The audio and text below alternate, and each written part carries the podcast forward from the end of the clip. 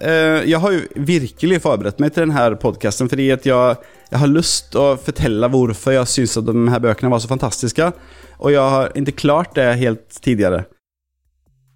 Hei og velkommen til Sølvbergets podkast. Jeg heter Åsmund Odnøy og sitter sammen med kollega Thomas Gustafsson. Vi skal snakke om Jon Fosses bøker som kalles Septologien, som ble avslutta i 2021. Ehm, et nytt navn var siste bok i den serien, og den fikk kritikerprisen for i fjor. Og I begrunnelsen fra juryen så står det bl.a. at boksidene dufter av bjørkeved, stekt flesk og raspeball. Eh, eh, dette forteller jo ikke meg så mye om hva de handler om, da, Thomas. Kan du forklare litt? Eh, ja, altså jeg vet ikke helt om jeg er enig i den bedømningen. For meg, for meg så er, er, det mye mer av en, en kunstnersroman, på en måte. I, i sånn, som, vi pleier jo ikke å gjøre så mye handlingsreferat her, men det kan vi godt uh, gjøre på denne podkasten, siden det er jo det, det er tre bøker uh, utgitt uh, over tre år. Eller det er tre volumer, da. Syv bøker fordelt på tre volumer. Bøkene handler om en kunstner som heter Asle Uh, han har også en venn som også heter Asle. og så har han en nabo som heter Åsleik. Og det er hans e egentlig eneste venn, da, kan man si. Vennen Asle har, de har eh, kommet fra hverandre litt.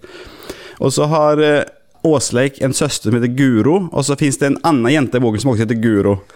Og så er det en gallerist som heter Beyer, som oppdaga hovedpersons Asle når han var ung, og har vært hans, hans gallerist da, i nå er Asle gammel, og fortfarande er, er Beyer hans gallerist. Jeg lurer på hvor gammel Beyer egentlig er. det, vet man, det får man aldri vite. Så, så, Asle her, han er da eh, en maler, er det sånn? Han er kunstmaler, ja. ja. Og så eh, handler det boken Den ytre handlingen og den handlingen som foregår i nåtid, er så enkel eh, som at hvert år ved juletider så har eh, Asle en utstilling på Galleri Beyer i Bergen, eller som Jon Fosse kaller det, Bjørgvin, da. Og så bor han i en liten bygd ganske langt utenfor Bjørgvin. Man får ikke helt inntrykk av det, men jeg tror det er, det er noen timer å kjøre. liksom. Så kjører han inn, og så skal han egentlig levere de 13 bildene. Men av en eller annen grunn så tar han ikke med seg bildene inn. Han bare kjører til Bergen og vaser rundt. Og så skulle han egentlig hilse på han andre vennen, Asle, da, men det gjør han ikke heller, så han kjører hjem igjen.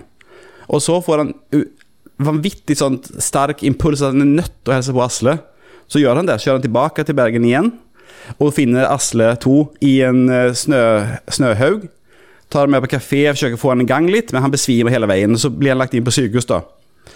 Og så kjører Asle 1 tilbake hjem igjen eh, for å hente bildene. Kjører tilbake til Bergen en gang til og leverer faktisk bildene denne gangen. Og så, eh, så tar han også hjem til Asle 2 og tar, plukker opp hans hund, blant annet. Og så Det er liksom alt, da. Og så mens han kjører frem og tilbake til Bergen hele veien, så forteller han jo om sitt liv. Vi får liksom se viktige liksom, hva, hva, kalles det? Crossroads? Hva, hva kaller man det? Uh, um, Milepæler, kan man si. sant? Milepæl, ja. ja uh, I hans liv, da. Fra når han, når han er barn. Men ser, han, han har en, en, datt, en, en lillesøster som man, man, får vite ganske lite om, bare at hun, hun dør tidlig. Så er det en sånn sekvens der man der de går ned ved vannet. Og, det er en utrolig vakker sekvens, men det ligger noe slags sånn uro hele tiden i boken, eller i den fortellingen. Og så får man vite når han treffer sin kjæreste, som forresten eh, heter Ales, eh, som jo eh, også ekstra forvirrende. Asle Ales. Asle Asle Ales, Guro Guro Åsleik. det er de nærmeste navnene vi har her. Og så Beyer. Eh, så, så, liksom mens han kjører frem og tilbake, frem og tilbake, og så er det noen sånne innimellom Åsleik, naboen, da. De, eh, de har sånn tradisjon at de spiser julemiddag og, og eh, altså, pinnekjøtt og lutefisk og sånn hos hverandre. Og så hvert år så blir Asle invitert hjem til Åsleiks søster Guro for å spise julemiddag. da. Så sier han alltid nei, men i år har han takket ja. Uh, og det er også en stor liksom, det, det, det, det går i, liksom. For så, foruten de tilbakeblikken, som er veldig det är mina favoriter när han forteller om hur han blir kunstner. Och det är också, kan man säga, själva bokens essens då. Eh, det är, som jag sa i begynnelsen, det är en kunst, kunstnerroman.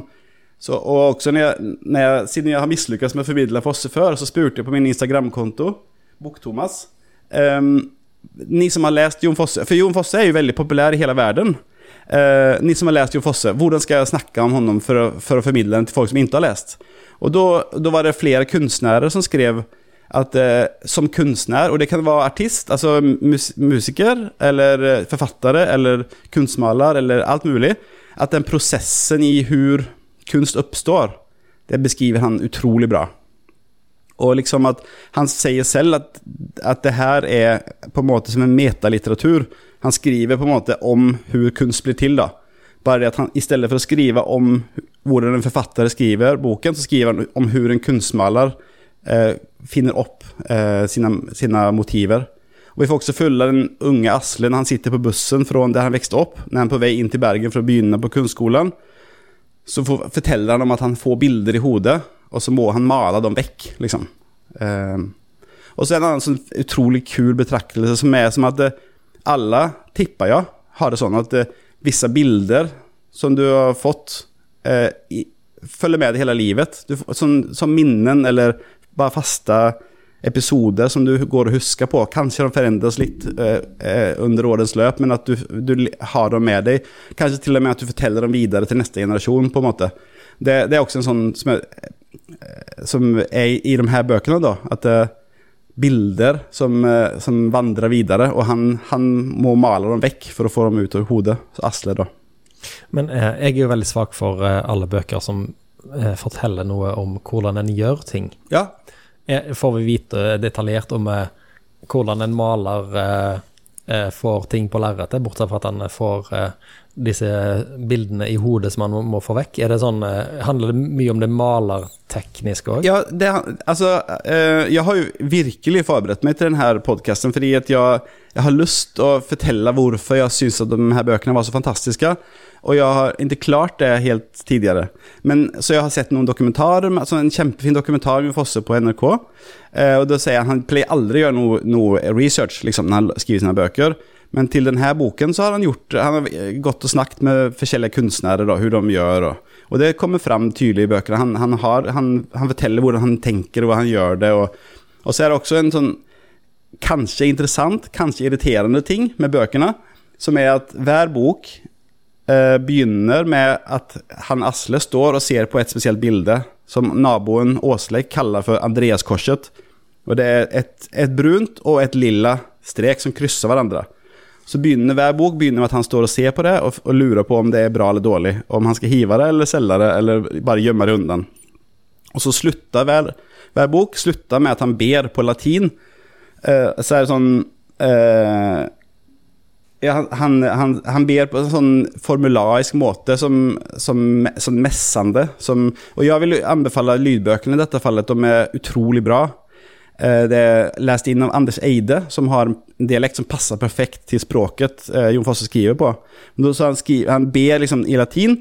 Han ber til Jesus, til eh, Maria, til Gud, og så er det sånn messende, rytmisk, eh, repeterende det er veldig, veldig hypnotisk, altså. Og så eh, hadde jeg ikke tenkt på det selv, det her med at hver bok begynner og hver bok slutter på samme måte. Det, det, det fikk jeg med meg når jeg eh, leste om, om boken etterpå, da.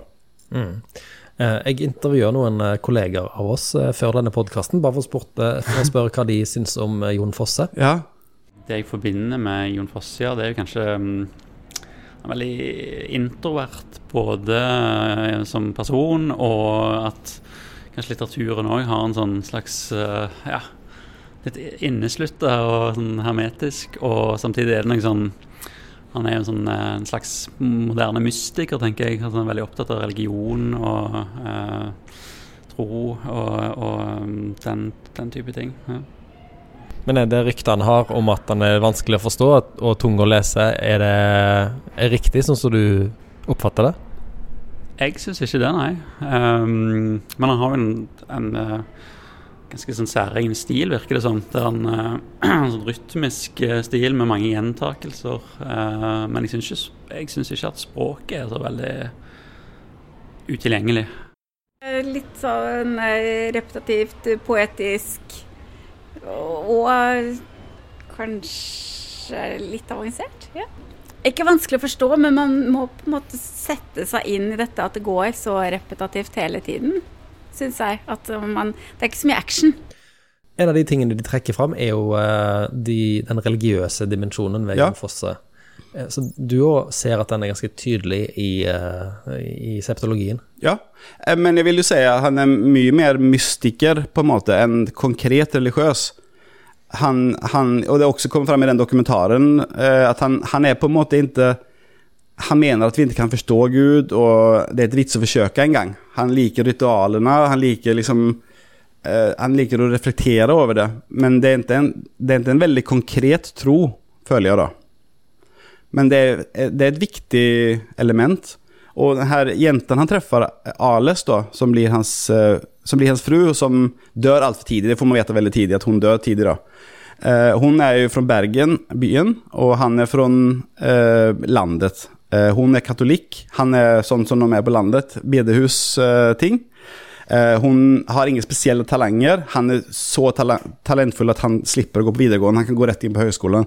Så de er veldig kontraster, de to, på en måte. Eh, og den religiøsiteten den, Han, han skifta jo til katolisismen, og det gjorde jo Jon Fosse på riktig også, eh, i voksen alder. Men jeg føler at de er liksom Det er mer som en, en ekstra mystisk dimensjon i livet enn en sånn litt mer eh, down to earth eh, bedehuskristendom, da. Ja. Jeg har ikke lest disse bøkene, men når du forteller om de, og når jeg leser om de, så lurer jeg på om de kan de minne om Min kamp av Knausgård, som jo handler om hvordan Karl Ove blir forfatter, sånn i bunn og grunn? Ja, eh, kanskje. Uh, jeg, jeg datt jo av på min kamp, men det var jo fordi det var seks bøker. Her var det jo bare tre. men, men de første bøkene er jo fantastiske eh, av min kamp, og det, Jeg hadde ikke tenkt på det før du sendte meg spørsmål på forhånd, da, at de eh, kanskje minner litt om hverandre, men på en måte er det jo en sånn hvordan kunst blir til.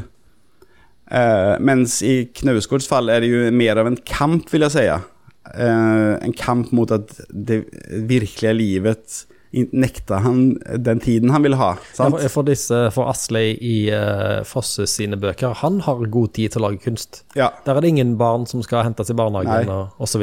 han har ingenting annet enn det. Det er det han driver med, liksom. Så han, han har ingen, ingen konkurranse alls. Og også når han treffet Altså, hele hans liv har bare handlet om det her. Kunst. Uh, og så er det sånn når du forteller om boken, liksom at uh, han står der og stirrer på kunsten, eh, og han ber, og han reflekterer. Så høres det jo så sinnssykt drit ut, liksom. Og pretensiøst og høytidelig. Og da er det liksom på en måte enda mer imponerende hvor fantastisk leseopplevelsen er. Eh, at eh, konseptet i seg selv er jo Altså, konseptet i seg selv er jo interessant, men, men når du beteller om det sånn med min eh, banale, tunge ord, liksom, så blir det sånn ah, Ok, nei takk. men det er det som gjør at det er så Det er bare fantastisk. Og det er en sånn kul ting er at det, den har blitt solgt til ni språk før den kom ut på norsk en gang. Og på bokmessen i 2019 så kom den ut samtidig på tysk, engelsk, nederlandsk, spansk, dansk og ungarsk. Det er ikke mange norske forfattere som kan, eh, som kan si det. Nei, så strengt tatt så trenger ikke Jon Fosse eh, vår hjelp i form av en podkast for å få fart på karrieren. Han, eh, han er, hvis det er en forfatter i Norge som, som lever veldig godt av skrivingen, så er det jo han. Ja, ja, og mitt mål er jo snarere omvendt, da. For jeg føler at vi trenger Jon Fosse.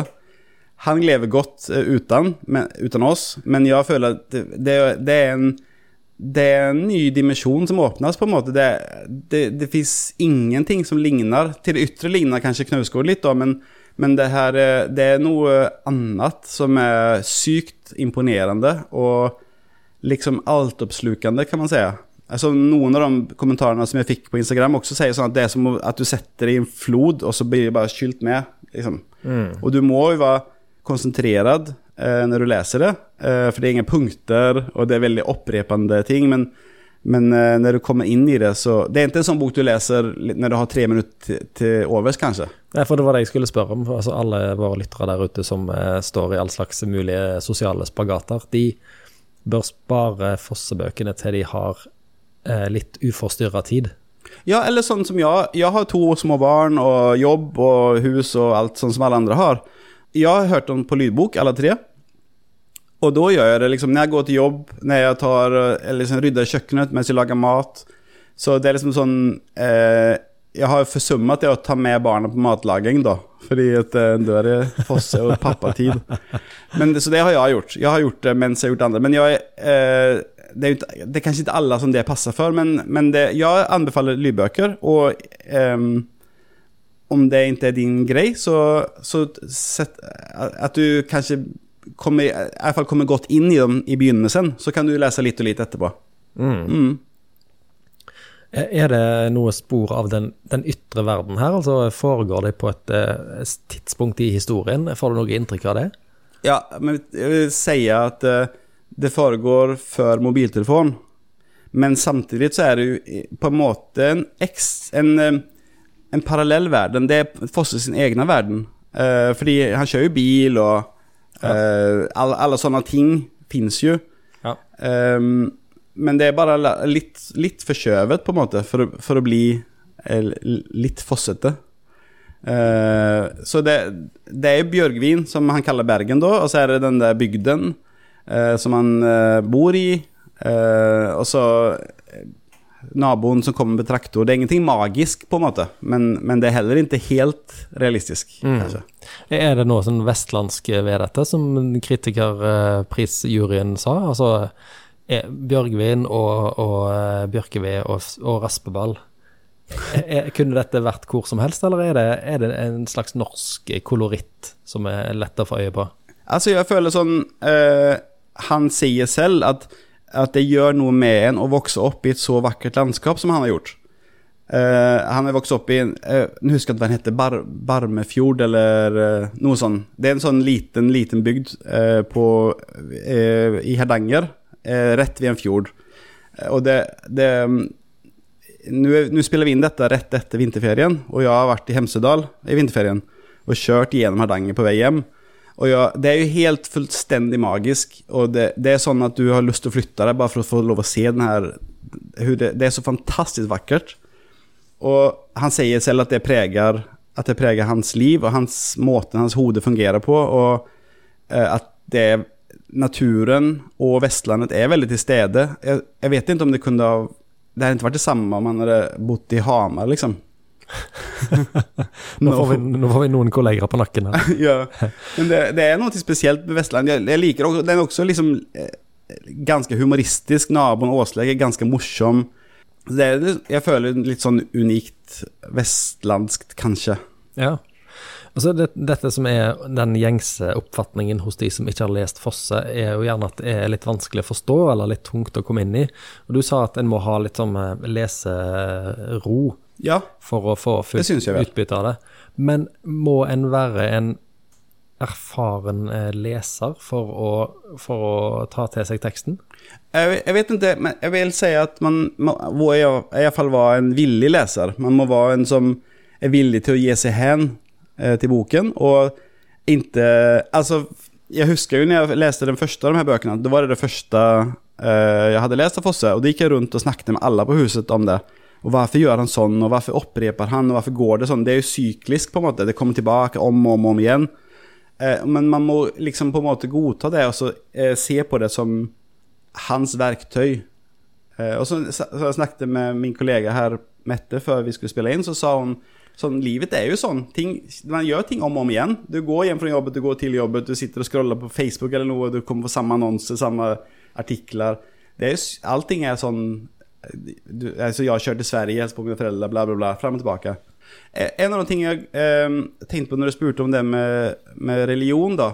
så, så sier han i den der dokumentaren så sa han at eh, når han var liten gutt, så var han med om en sånn när döden upplevelse.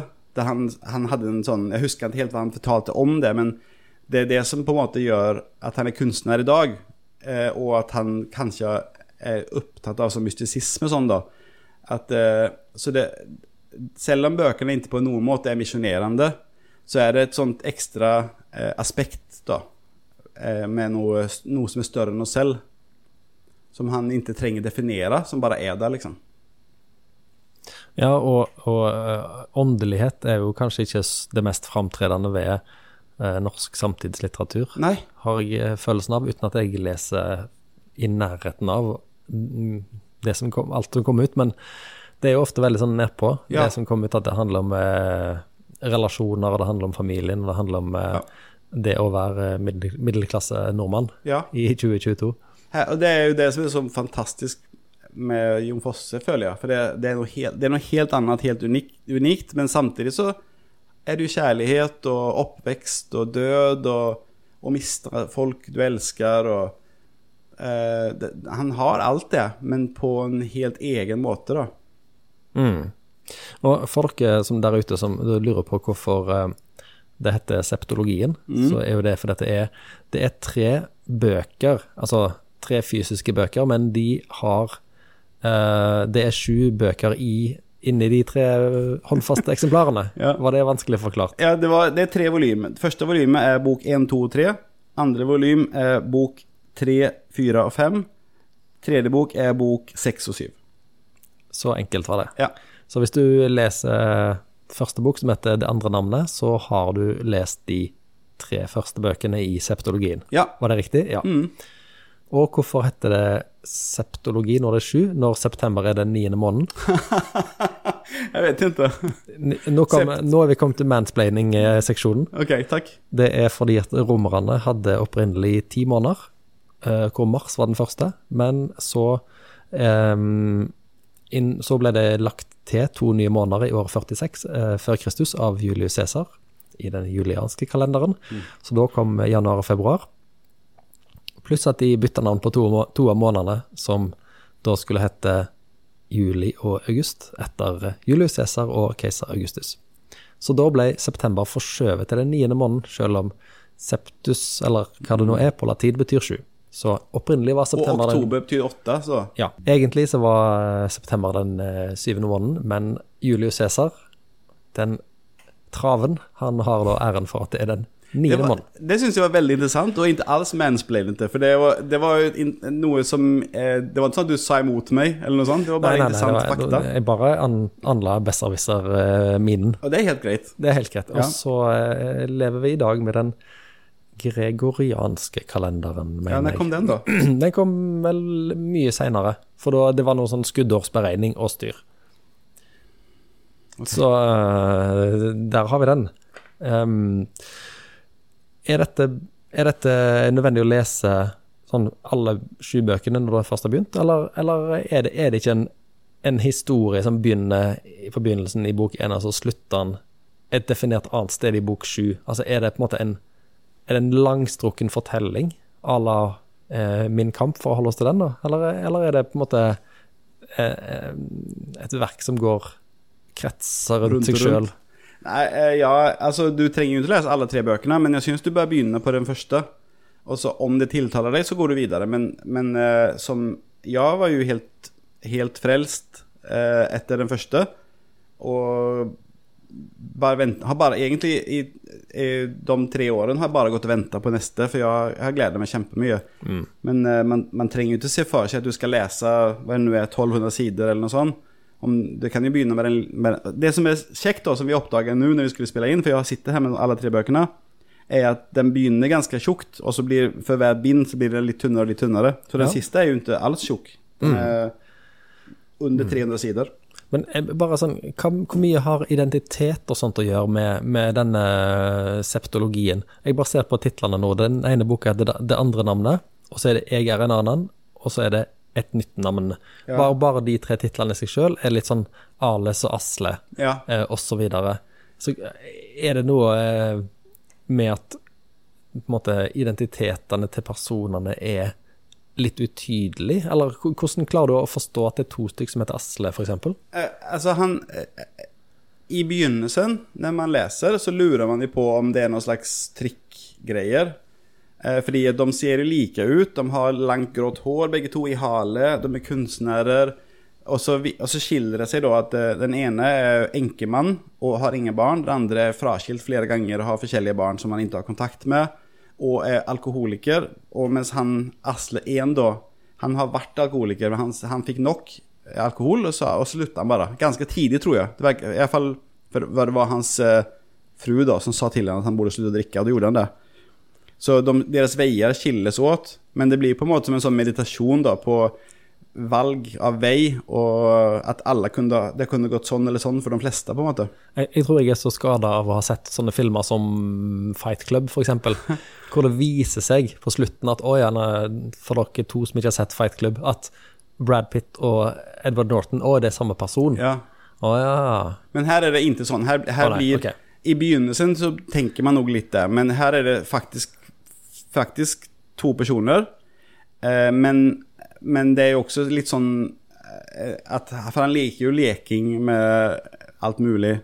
Og jeg føler at det er en grunn til at han har kalt dem samme ting, og at de er så like. Så jeg føler at han vil illustrere på en måte det at, eh, at det, eh, det er tilfeldig hvordan det blir. på en måte. Han, var, han ene var heldig, han andre var ikke heldig. liksom. Mm. Så man får se liksom når Asle treffer den, den Asle 2 da, når han treffer den han gifte seg med først, så er det jo ulykkelig før de gifter seg en gang, men de må fordi hun er gravid. Eh, og så mens Asle 1 får en, eh, blir sammen med noen som utfyller han veldig godt, og som han har respekt for, og som de hjelper hverandre framover, på en måte. Eh, så jeg føler at det, at det er mer som en sånn illustrasjon enn at det er noe sånn dubbelgångergreier. ja, du blir ikke sittende og lure på Nei, til slutten i hvert fall. Da føler jeg at Det finnes jo ti- visse ting jeg ikke har lyst til å si her, da, fordi at jeg har ikke lyst til å spoile for dem eh, som skal lese. Ja. Uh, ja. Ok, Thomas, eh, til slutt. Um, du har jo hatt varierende hell med å anbefale Jon Fosse til kolleger, har jeg skjønt. Så, men hvis du nå, nå har du gjort en grundig research til denne podkasten. Du har eh, seks ark med tusj, tusj, markeringstusj liggende liggende Ja. foran deg. Men hvis du skal komprimere all din viten nå om disse bøkene til en sånn Twitter-kort pitch til folk for å få de til å lese septologien av Jon Fosse, hva er din liksom, reklamesalgsframstøt på vegne av disse bøkene? ja, enten så tar man den der at eh, Jon Fosse er Norges mest spilte eh, dramatiker eh, etter Ibsen. Til enhver tid er han satt opp Han er en av verdens mest eh, spilte dramatikere. Så eh, han på en måte kanskje enda større i utlandet enn han er her. Eh, så, og det føler jeg oftest Det er jo en grunn til at noen er så populær blant intelligente mennesker. Det er veldig interessant bare å lese om bøkene. Hva, for, hva sånne superintelligente folk eh, sier om bøkene. Eh, eller så kan du lese en, en fascinerende og oppslukende og sinnssykt irriterende lang bok om et liv på Vestlandet med vær og eh, kristne foreldre som man tar avstand fra, og så liksom kommer tilbake til religionen. Det, også det går liksom sykler, liksom. Det, det er veldig vakkert, det er litt morsomt. Det er veldig fascinerende. Det er en, kunstner, eh, en kunstnerroman, eh, og dette blir kanskje fem Twitter-innlegg. Ja, det, jeg følte du, du mista det litt når du snakket om en roman om regnvær på Vestlandet, men Ja. så var det opp igjen med Ja. kunstnere og, Ja. og alt det der. Det, det, det er alt av det, liksom. Det, det er på en måte sånn, sånn som han eh, Hva heter han poeten fra Hardanger? Olav H. Hauge? Ja. Ja. Det er litt av det samme, at eh, naturen er så til stede eh, i tankene og i, i tankelivet at det, det preger hele, hele bøkene, på en måte. Så eh, du blir forma av det du vokser opp i, og han vokste opp i det vakre landskapet. Han skriver så vakkert som, som Hardanger er. Kan det komme en eh, fjerde bok i, i septologien uten at du skal røpe alt som skjer? Nei. Den heter Septologien. Det har gitt ut seks, syv bøker. Det er det slutt. Nå må du gi deg. Nei, det tror jeg ikke. Nei. Jeg tror han avslutter liksom nå. Ja, og i motsetning til Knausgård, så har ikke Fosse noen sånn bombastiske 'nå skal jeg aldri være forfatter mer'. Jon Fosse bare skriver på. Ja, jeg tror at han Altså, det er en sånn interessant eh, ting med han, da, at han han har, som Asle i boken, har drukket veldig mye i sitt liv. Og han, han sier selv at han har kost seg med alkoholen. Men så husker jeg ikke helt hvorfor, men han slutta å drikke. Og det var i 2014. Og da begynte han å skrive de her bøkene. Så han skrev dem på fem år, 2014 til 2019. Og han sa at det å slutte å drikke har gjort han superproduktiv og eh, lykkelig. Og det er på en måte litt av det samme som Asle i boken, da. At han slutta å drikke, og derfor klarer han seg. Selv om han ikke akkurat er lykkelig, da. Men eh, Men det, tror du at dette er det nærmeste vi kommer en Jon Fosse sjølbiografi noen gang? Uh, nei, det vet jeg ikke, Men det er jo elementer av det som er självbiografiska. Altså sånn det med Vestlandet og kunstnerårene, på en måte. Men han sier selv at det ikke er det. Altså, men det er jo litt fra det samme perspektivet og sånn, då. En må jo skrive ut fra det en kan Ja. noe om. Ja. Det, det, det stemmer jo, men det er ikke Ellers så er det mange ting som stemmer, men det, det er ikke over, overveiende selvbiografisk. Nå som du har lest den siste eh, septologiboka, har du noen eh, andre bøker du gleder deg like mye til? Sånn, er det andre forfattere du følger med like stor eh, spenning? Nei. Dette har vært, eh, dette har vært helt, eh, helt spesielt for meg. Altså det at det jeg har følt som en sånn tuktan av, uh, av tiden, at jeg måtte vente, og den kommer eksakt et år i etterkant, og jeg måtte bare vente. Og jeg, liksom for hver gang det kom ut en ny bok, så kom jeg veldig fort inn i den verden igjen. For det, det er jo egentlig samme bok om og om igjen, liksom. Det, det, er den ille, den lille fortellingen som at han kjører frem og tilbake til Bergen, og mens han tenker tilbake på sitt liv, da. Det er det som er boken. Er det ikke deilig å måtte av og til vente på godene? Jo, det har vært fantastisk. Jeg, jeg, jeg er trist for at det er slutt, men det er også, jeg er også glad for at det, det var så fint. Tusen takk, Thomas. Da Takk eh, tror jeg Jon Fosse blir fornøyd med deg.